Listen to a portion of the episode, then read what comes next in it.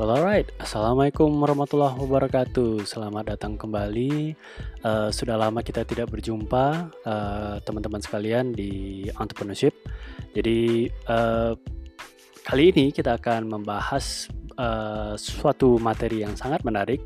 Ini akan berkaitan sama yang namanya inovasi. Karena saya yakin sekarang ini uh, kalian sudah mempunyai sebuah model bisnis dan juga saya percaya bahwa bahwasannya model bisnis itu juga sudah kalian jalankan gitu kan setidaknya untuk beberapa uh, bulan atau semester ini. Nah, untuk perkembangannya entrepreneurship itu sendiri kita tahu bahwasanya sebuah bisnis uh, pastinya akan selalu mengalami yang namanya perubahan Kenapa? Karena pasarnya sendiri, trennya sendiri, marketnya sendiri, dan segala hal berkaitan sama si customer juga bakalan berubah. Dunia juga selalu mengalami perubahan, sehingga uh, sebuah bisnis jika dia tidak up to date atau dia tidak catch up kepada kebutuhan si customer atau needs-nya si customer, dia bakalan tidak bisa mengambil keuntungan uh, atau menangkap needs uh, kebutuhan uh, keinginan uh, dari se sebuah customer. Kita tahu sendiri bahwasannya yang paling pertama yang akan kita uh, pahami dan kita lihat uh, adalah si customernya. Apa sih sebenarnya masalah yang dia hadapi? Lalu keinginan dia terhadap uh, masalah yang dihadapinya itu gitu kan. Sehingga pada akhirnya kita memberikan solusi kepada dia. Nah solusi itulah sebenarnya bentuk daripada bisnis model yang kita tawarkan kepada dia. Bisnis yang kita tawarkan kepada dia. Nah uh, seperti yang tadi saya saya bilang yang akan kita fokuskan pada pertemuan hari ini adalah soal inovasi itu sendiri. Kenapa? Karena sebuah bisnis jika dia tidak bisa berinovasi, dia akan ketinggalan bukan hanya kepada kompetitornya, tapi ketinggalan menghadapi market changes atau customer changes yang berada di seluruh dunia ini. Oke, okay? So let's get right into it. The 10 types of innovation.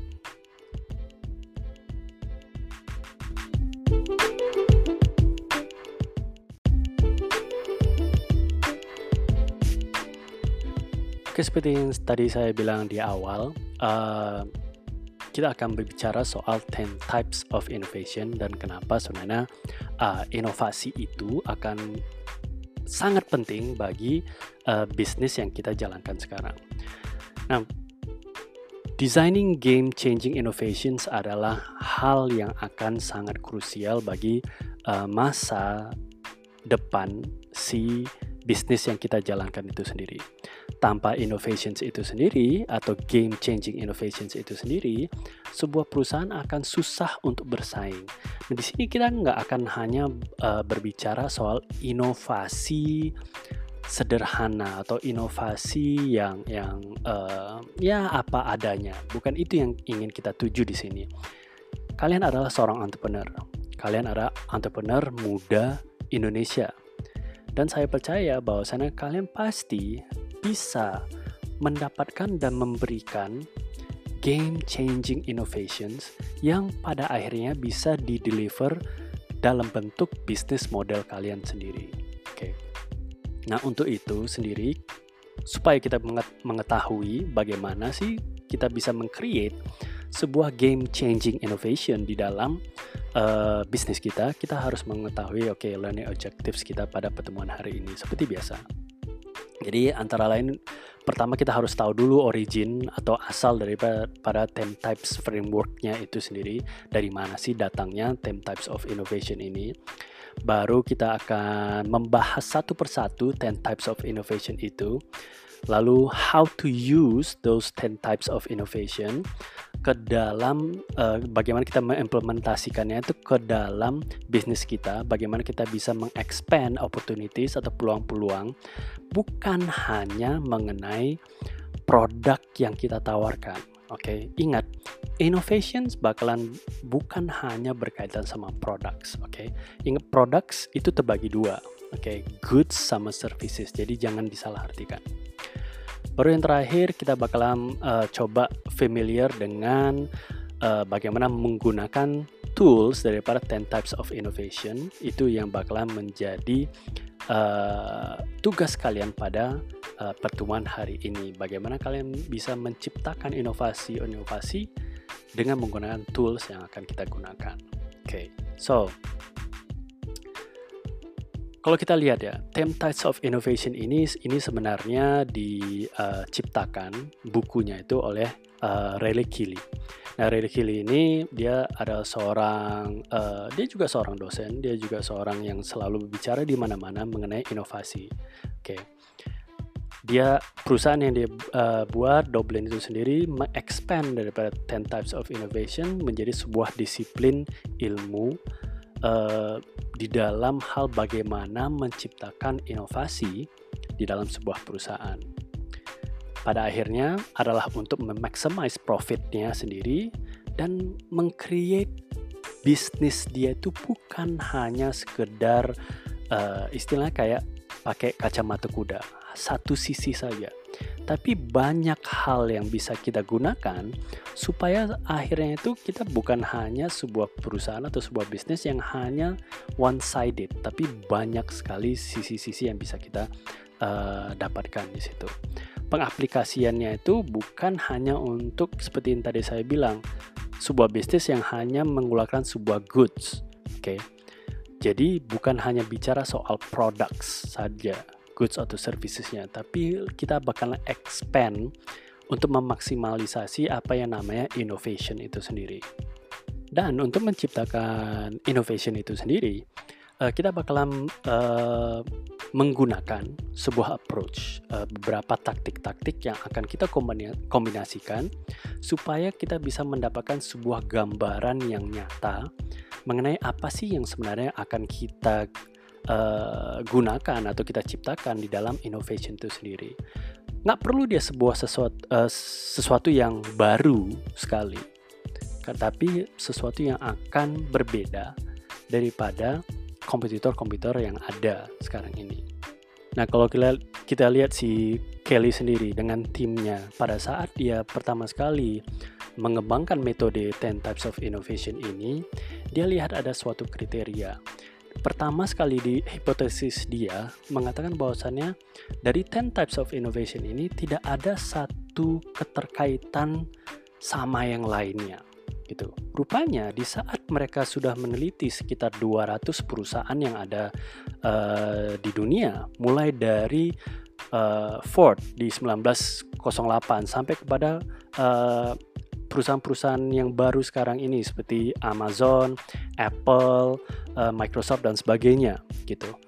Rupanya setelah diteliti saling terkait dari 10 types of innovation ini. Jadi uh, all impactful innovations use some combination of 10 basic types. Jadi ada kombinasi-kombinasi nih dari 10 types of innovation itu yang menjadi yang menjadikan inovasi si perusahaan gitu.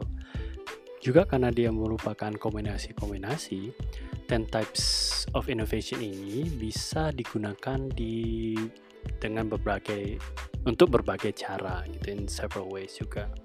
Jadi pada akhirnya bakalan ada lebih dari 100 taktik inovasi yang sebenarnya bisa digunakan di dalam framework ini.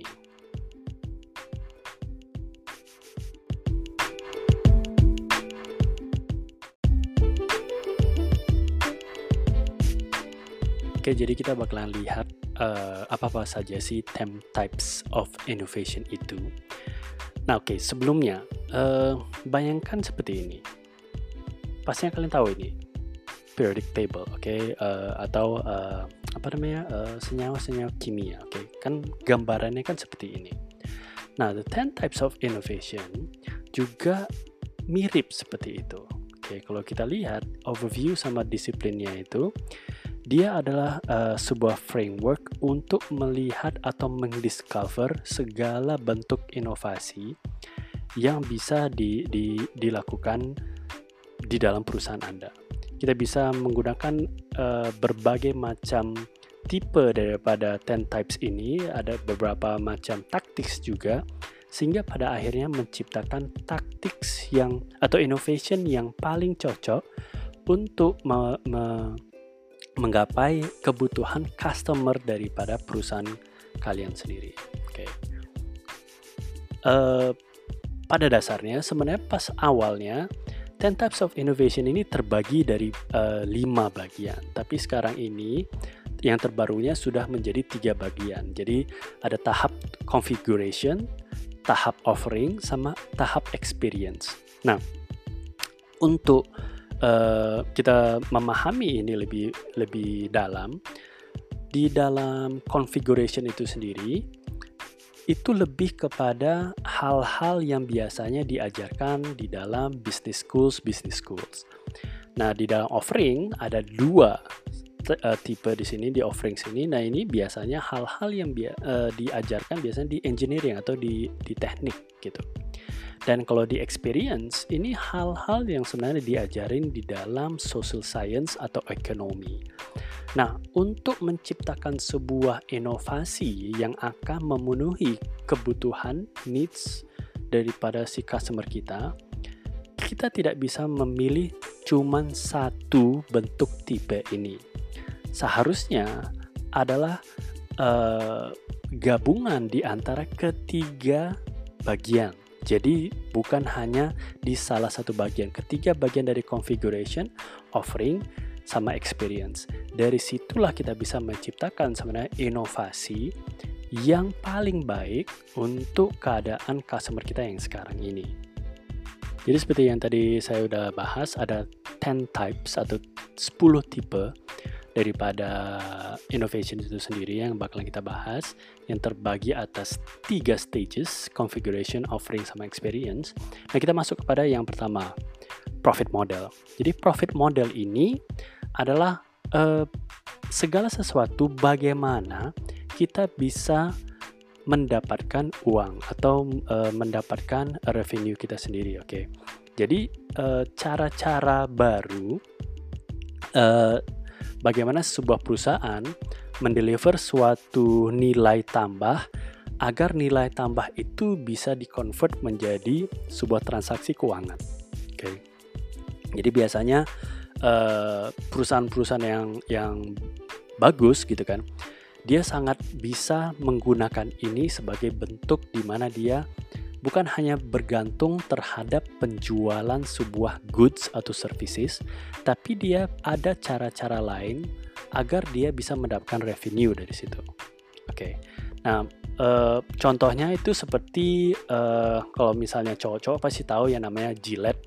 Gillette itu kan adalah perusahaan cukuran ya, cukuran. Jadi dia pas pertamanya dia menjual yang namanya e, pisau cukur. Oke, okay uh, pada akhirnya uh, gagang cukur dan uh, sampai kepada uh, shaving cream itu sendiri. Kalau kita lihat, dia bukan hanya sekarang uh, menjual pisau cukurnya, tapi juga menjual uh, diversifikasi daripada produknya yang lain sampai kepada uh, shaving cream itu sendiri. Nah, suatu hal uh, suatu perusahaan yang lain yang yang yang menarik adalah Dollar Shave Club. Nah, menariknya Dollar Shave Club ini mereka bukan uh, bergantung revenue terhadap penjualan daripada gagang cukur mereka, tapi justru mereka uh, berjualan membershipnya. Jadi sebenarnya kita hanya butuh beli satu gagang itu saja.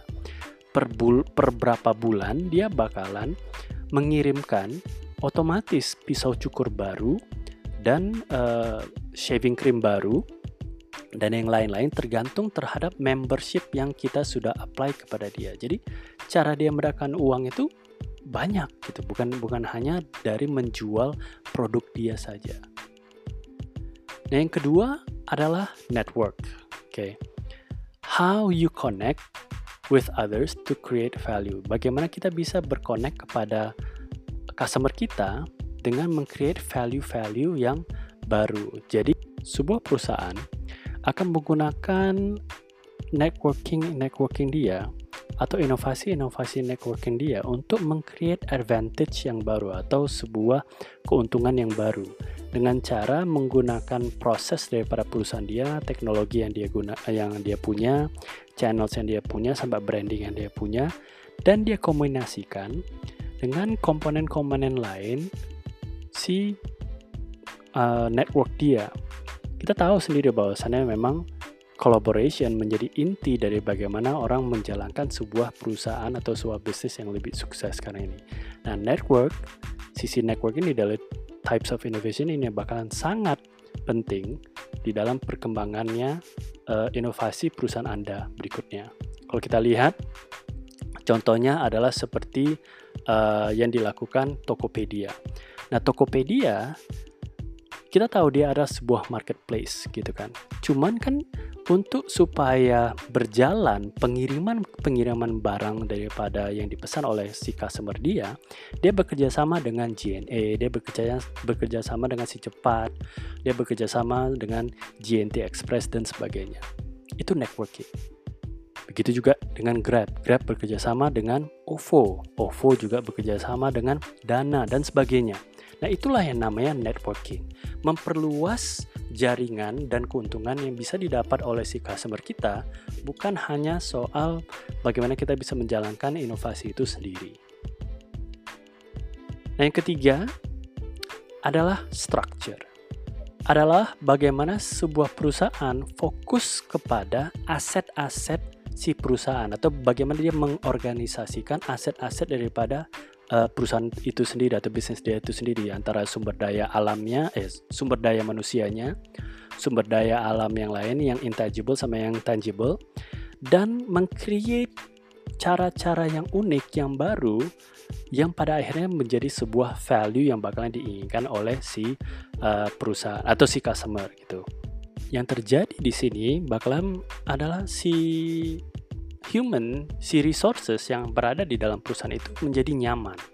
Dia bakalan lebih produktif, dia bakalan uh, all out di dalam yang namanya saat dia bekerja di dalam suatu, suatu perusahaan atau uh, suatu bisnis itu. Sistem yang kita kembangkan di dalam structure ini akan menggampangkan uh, perusahaan uh, untuk bekerja lebih optimal.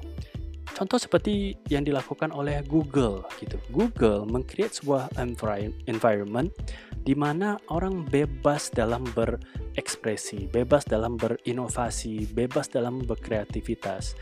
Tidak ada yang namanya peraturan-peraturan misalnya nih ada seragam-seragam khusus yang harus dipakai uh, apa uh, sebuah karyawan atau jam-jam khusus yang yang penting dia tahu oke okay, tugas saya ini deadline-nya sekian. Silahkan gunakan segala uh, bentuk uh, aset in, investasi yang ada di perusahaan agar dia mencapai uh, goalsnya itu sendiri, target dia itu sendiri. Sama juga yang dilakukan oleh Telkomsel. Telkomsel merubah structure dia di dalam melayani uh, customer uh, customer dia. Kalau kita lihat sekarang, kalau kita datang kepada uh, sebuah uh, kantor Telkomsel saat kita ingin dilayani gitu, beda sekali caranya seperti dulu atau seperti layaknya sebuah bank sudah beda sekali. Bukan kita sebagai customer yang datang kepada mereka, tapi sekarang itu mereka merubah strukturnya sehingga mereka yang datang kepada si customer. Jadi sesuatu yang bakalan menjadi nilai tambah lagi inovasi baru kepada si customer. Keempat, proses. Proses adalah how you use signature or superior methods to do your work. Kita ingat kalau misalnya kita bicara soal proses atau soal entrepreneurship, udah pasti kita bicara soal proses, bukan soal output. Oke, okay? proses itu harus kita pahami bagaimana cara kita membuild sebuah perusahaan atau sebuah bisnis dari hal yang kita punyai sampai hal bisa mencapai keinginan si customer itu sendiri. Semuanya itu melalui proses tidak ada yang tiba-tiba jadi langsung gitu.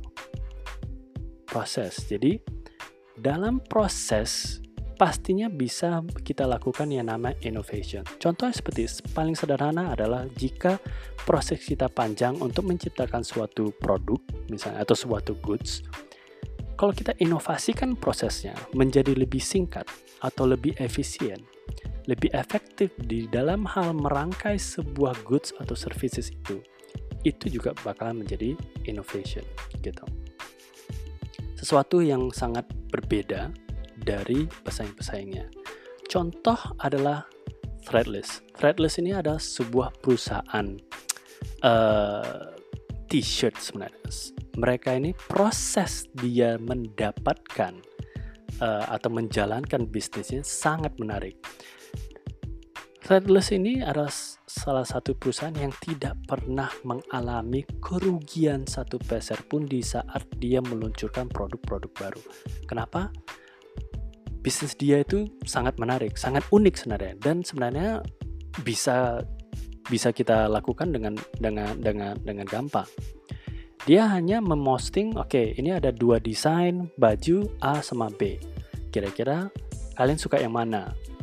Jadi dari situ orang bakalan membuat polling A sama B mana yang dia suka dan pada akhirnya akan ada jelas di situ uh, siapa yang menjadi uh, yang menang gitu. Setelah itu dia bakalan meng-email kembali orang-orang tadi yang mengikuti poll itu.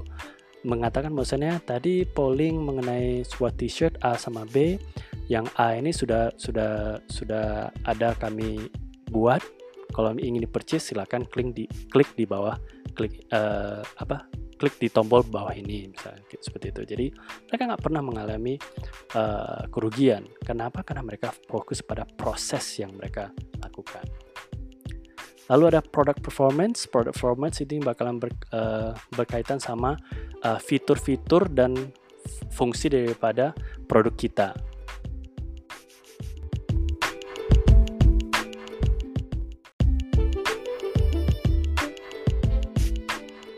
Oke, jadi kalau misalnya kita tadi bicara soal product performance itu sendiri, jadi product performance itu bakalan menjadi inovasi-inovasi yang memang bukan hanya berbicara terhadap new goods atau new products itu sendiri atau hanya kepada line extensionsnya.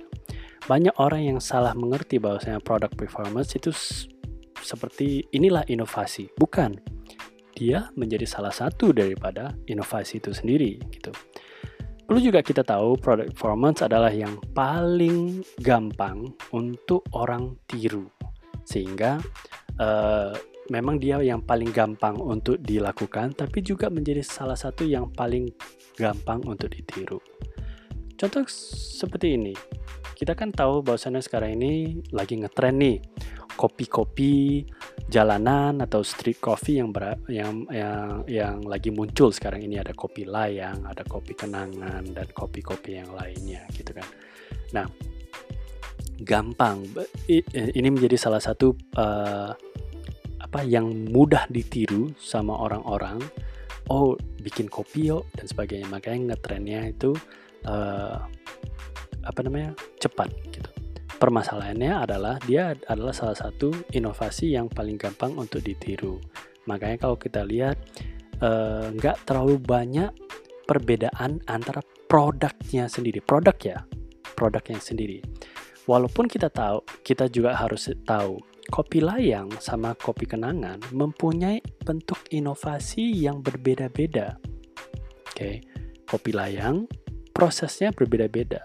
Oke, jadi ingat yang kita fokuskan di sini inovasi itu bukan hanya bentuk fisik daripada sebuah goods atau sebuah pro, uh, services, tapi bisa sampai kepada inovasi inovasi struktur, proses dan sebagainya.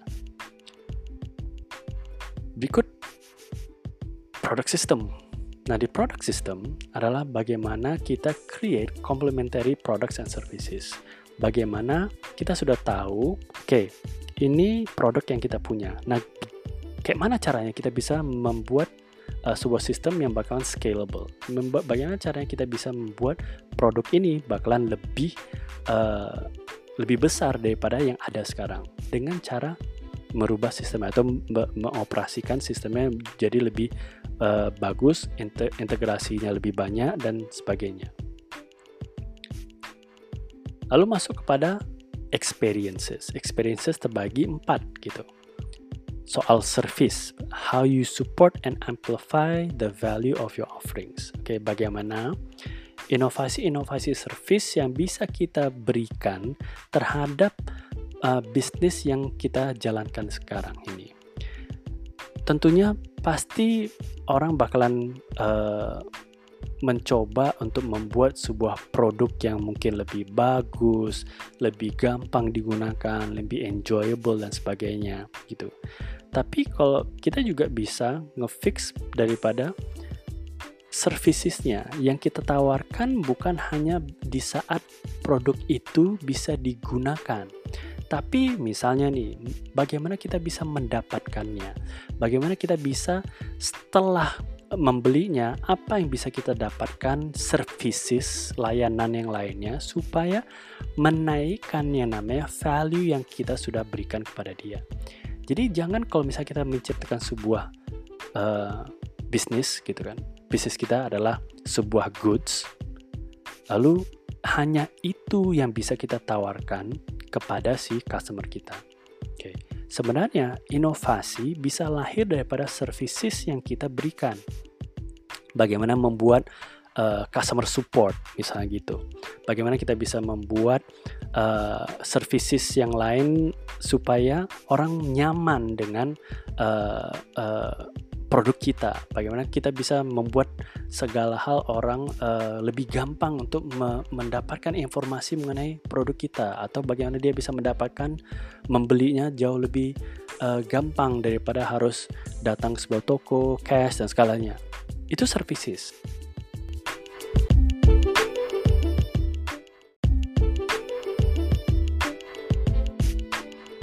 Berikutnya adalah channels. Bagaimana kita mendeliver offerings kita kepada customer sama users kita sendiri. Orang-orang ya inovator yang betul-betul mempunyai skill inovasi yang tinggi, dia bakalan sering menggunakan channels ini karena dia ingin memberikan eh, cara-cara uh, yang menarik, cara-cara yang baru bagaimana dia bisa menyampaikan produk dia atau service dia kepada si customers.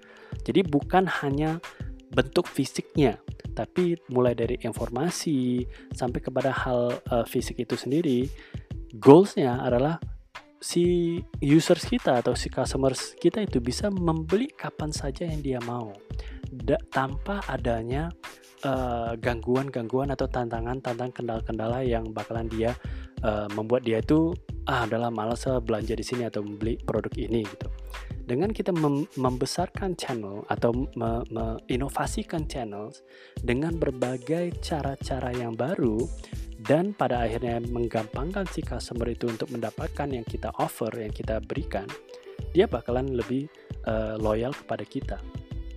Lanjutannya adalah brand.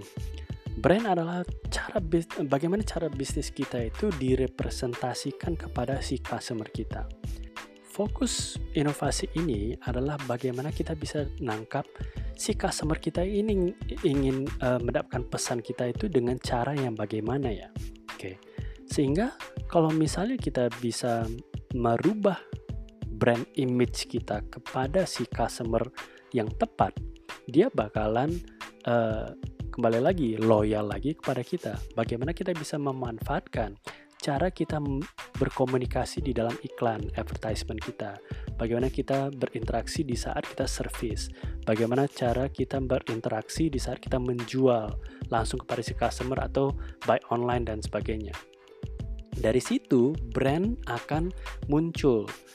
Dari di saat dia uh, mengkonsumsi segala sesuatu yang yang uh, membuat dia ingat kepala kepada perusahaan kita itu akan membuat branding kita semakin naik. Nah, yang kita fokuskan sini adalah bagaimana sih cara-cara yang unik, cara-cara yang lain kita bisa menyampaikan atau merepresent branding kita kepada si customer kita sendiri. Dan salah satu yang paling penting ini di sini adalah customer engagement.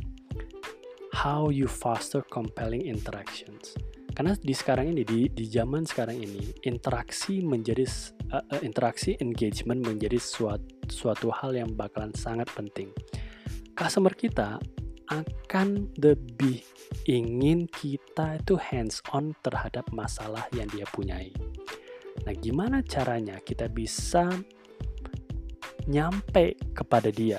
Bagaimana caranya kita bisa melakukan engagement kepada dia? Bagaimana kita bisa menyampaikan, uh, eh kami dekat loh sama kalian. Kalau misalnya kalian butuh sesuatu, ayo tinggal WA atau tinggal telepon atau tinggal email dan sebagainya. Dengan cara kita bisa mengubah cara orang mengengage kepada kita atau dia tahu oke okay, gampang kok kalau misalnya aku punya masalah dengan satu klik aku bisa langsung uh, mendapatkan jawaban daripada si perusahaan itu atau si bisnis itu itu akan membuat kembali lagi si customer itu lebih senang terhadap apa yang dia uh, dapatkan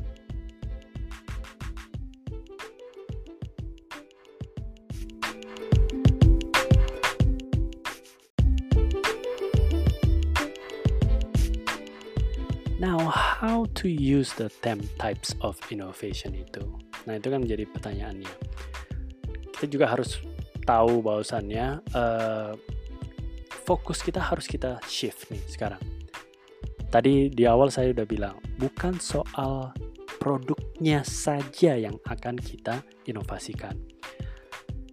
Kita pertama harus memang uh, menggunakan 10 types of innovation ini secara strategik. Oke, okay? ada taktik-taktik yang bisa kita gunakan supaya pada akhirnya itu memenuhi strategi yang kita inginkan. Shiftnya adalah kepada value creation. Bagaimana sebenarnya kita mengcreate value baru uh, hasil daripada inovasi gabungan inovasi kita itu supaya bisa uh, diterima oleh keinginan si si customer kita. Oke, okay. kita harus shift nih ke value creation bukan terhadap produk performance. Oke, okay. Itu tadi yang saya bilang. Bukan fokusnya terhadap hanya inovasi sebuah produk. Bagaimana membuat produk ini kemasannya lebih canggih atau rasanya bagaimana bukan hanya itu gitu. Jadi masih lebih banyak lagi cara uh, kita menghadapi inovasi kalau kita lihat ya, data bisa bilang di sini uh, kemungkinan besar produk performance itu tidak akan terlalu besar di di di di apa sih namanya dilihat oleh si customer sekarang. Mereka lebih berkaitan oke okay, bagaimana uh, secara finance-nya, secara prosesnya dan cara delivery-nya yang bakalan lebih utama sekarang ini. Sehingga kita harus shift. Dan banyak inovator-inovator pada akhirnya itu menggunakan berbagai tipe seperti tadi saya bilang. Ini bagaimana kita mengkombinasikan antara 10 inovasi-inovasi yang ada tersebut. Dan dia harus ter tergabung dari tiga stages yang tadi. gitu Bukan hanya dari salah satu stagesnya. Ingat kan tadi ada uh, configuration stage, ada offering stage sama experience stage. Itu harus ada gabungan atau kombinasi daripada ketiga-tiganya itu. Apakah itu hanya minimal tiga atau mana tahu bisa sampai 10-10-nya gitu. Walaupun itu akan sangat jarang.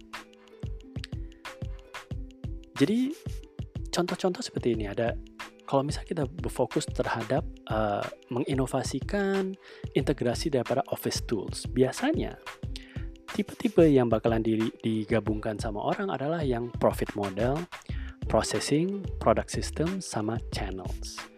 Lalu kalau misalnya kita ingin memprovide sebuah car experience yang mewah gitu, misalnya Lexus gitu kan, Lexus menggunakan gabungan inovasi dari networking, product performance, service, sama channels dan sebagainya gitu. Kita bisa lihat contoh-contoh yang ada di slide ini. Dan pada akhirnya apakah kita ingin tujuannya untuk meredefine sendiri yang namanya sebuah industri misalnya kayak Apple dulu dia merubah industri musik itu bagaimana kita mendengarkan musik dan bagaimana kita mendapatkan musik dari uh, iPod dia peluncuran iPod dia sampai kepada iTunes yang menjadi hit luar biasa pada waktu itu dia menggunakan eight types of innovation hampir keseluruhannya di situ. Di saat dia ingin merevolusioner sebuah industri atau sebuah bidang.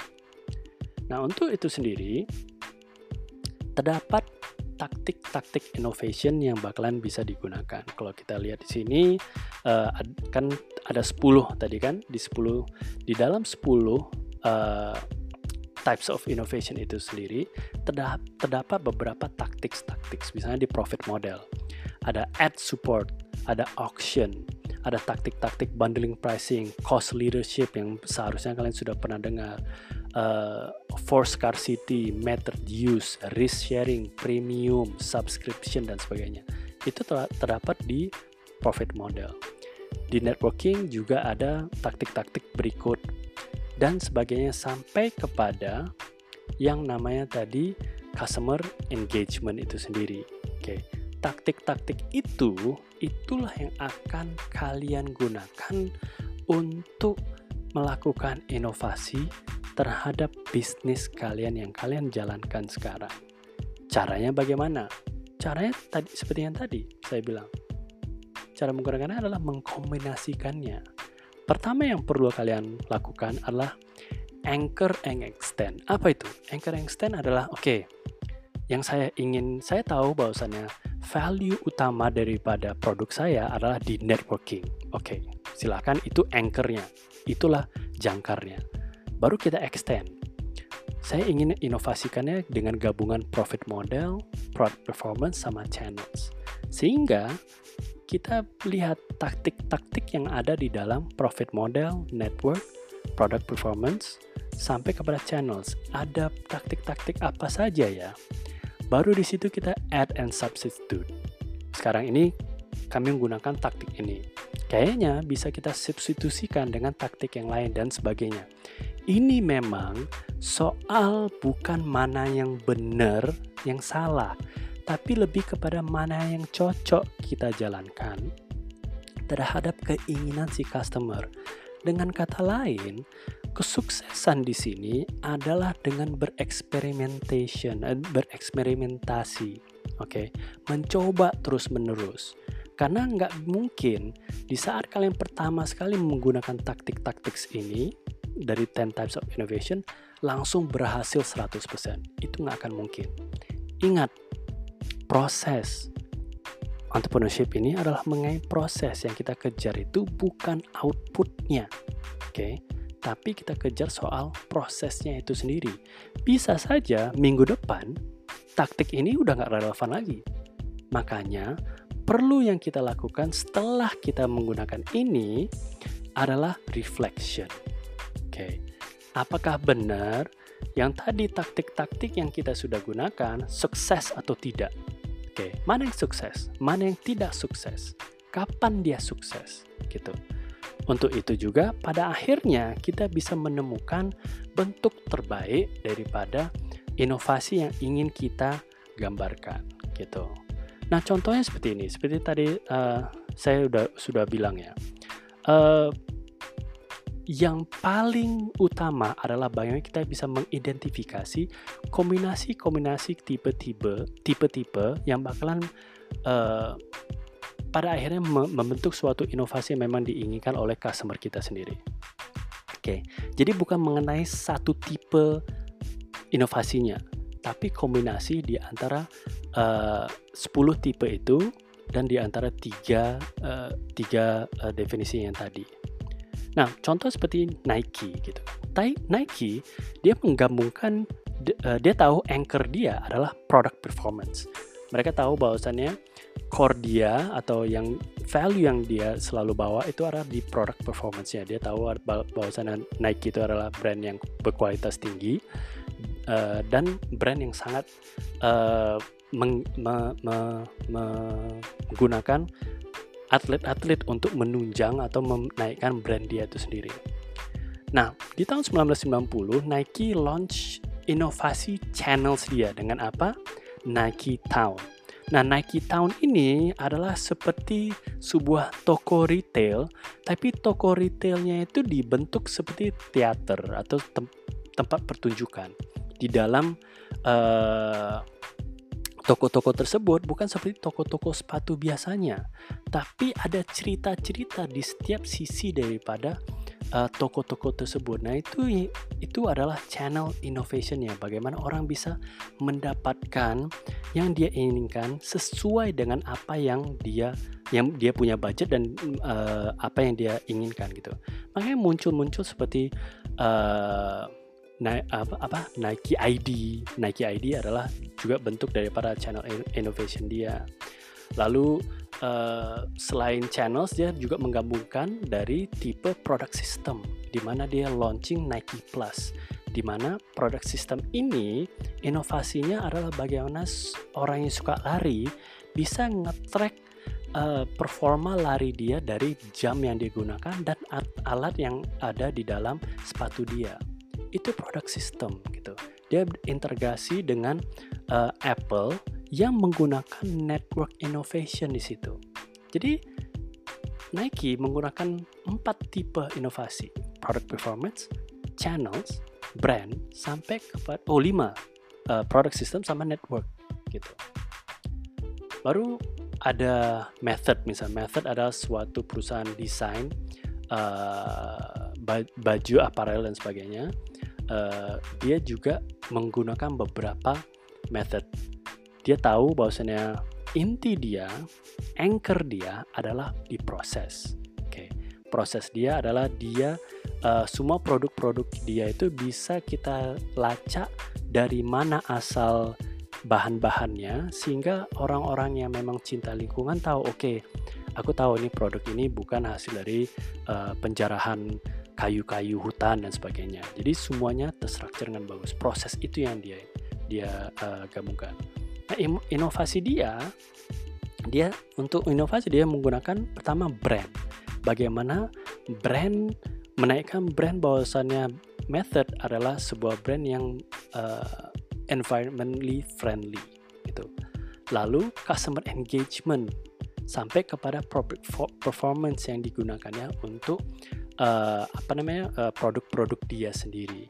Nah, pada akhirnya produk performance itu menjadikan dia itu mengshifting kepada uh, diversifikasi uh, produk-produk dia sendiri. Gitu. Ingat, pada akhirnya memang 10 types itu bakalan uh, menggunakan taktik-taktik. Oke, okay? jadi setiap tipe yang kita pilih nanti tentunya kita akan pilih metode taktik mana sih yang akan kita gunakan. Oke, dari situlah baru kita kombinasikan. Kombinasinya itu pada akhirnya akan memunculkan value creation yang baru, sebuah inovasi daripada bisnis kita sendiri. Dan itulah sebenarnya tugas kalian pada pertemuan kali ini. Oke. Jadi, di Google Classroom saya sudah upload uh, 10 types of innovation plan kalian. Silakan menulis nama, nama tim kalian, business name kalian, sama produk kalian yang kalian tawarkan, baik itu goods atau services. Oke. Okay? Lalu di situ sudah terdapat develop your tactics. Sudah ada 10 kan? 10 types of innovation di situ dari profit model sampai customer engagement silakan yang pertama kalian buat uh, kalian pilih anchornya di mana profit model kah, networking kah, product performance, service dan sebagainya. Silakan tandai dengan bulatan merah di div, uh, tactics yang kalian gunakan. Oke, okay. Bulatan merah. Baru silakan pilih uh, 10 types of innovation lainnya yang akan kalian gunakan untuk membentuk inovasi bisnis kalian uh, berikutnya. Tandai dengan bulatan hitam. Oke, okay. minimal seperti tadi saya bilang ya, minimal itu ada tiga antara uh, uh, apa namanya tiga bidang itu tadi sendiri. Oke, okay. ingat kan ada yang namanya tadi uh, configuration, ada offering dan ada experience. Oke, okay? jadi uh, tiga tipe yang uh, setiap tipe kalian inovasi kalian itu harus terbentang di dalam configuration, offering dan experience minimal satu ada di di antara situ. Tandai dengan bulatan hitam. Oke, ingat anchor adalah bulatan merah, baru tipe-tipe yang lain adalah bulatan uh, hitam. Oke. Lalu di dalam setiap tipe yang kalian sudah tulis, silak, uh, sudah pilih, silakan menulis taktik yang akan kalian gunakan uh, di bawah kolom itu sendiri. Oke, okay. Seperti kita sudah lihat di di uh, PowerPoint-nya, taktik-taktik itu silahkan kalian pilih yang mana yang akan kalian gunakan. Oke, okay.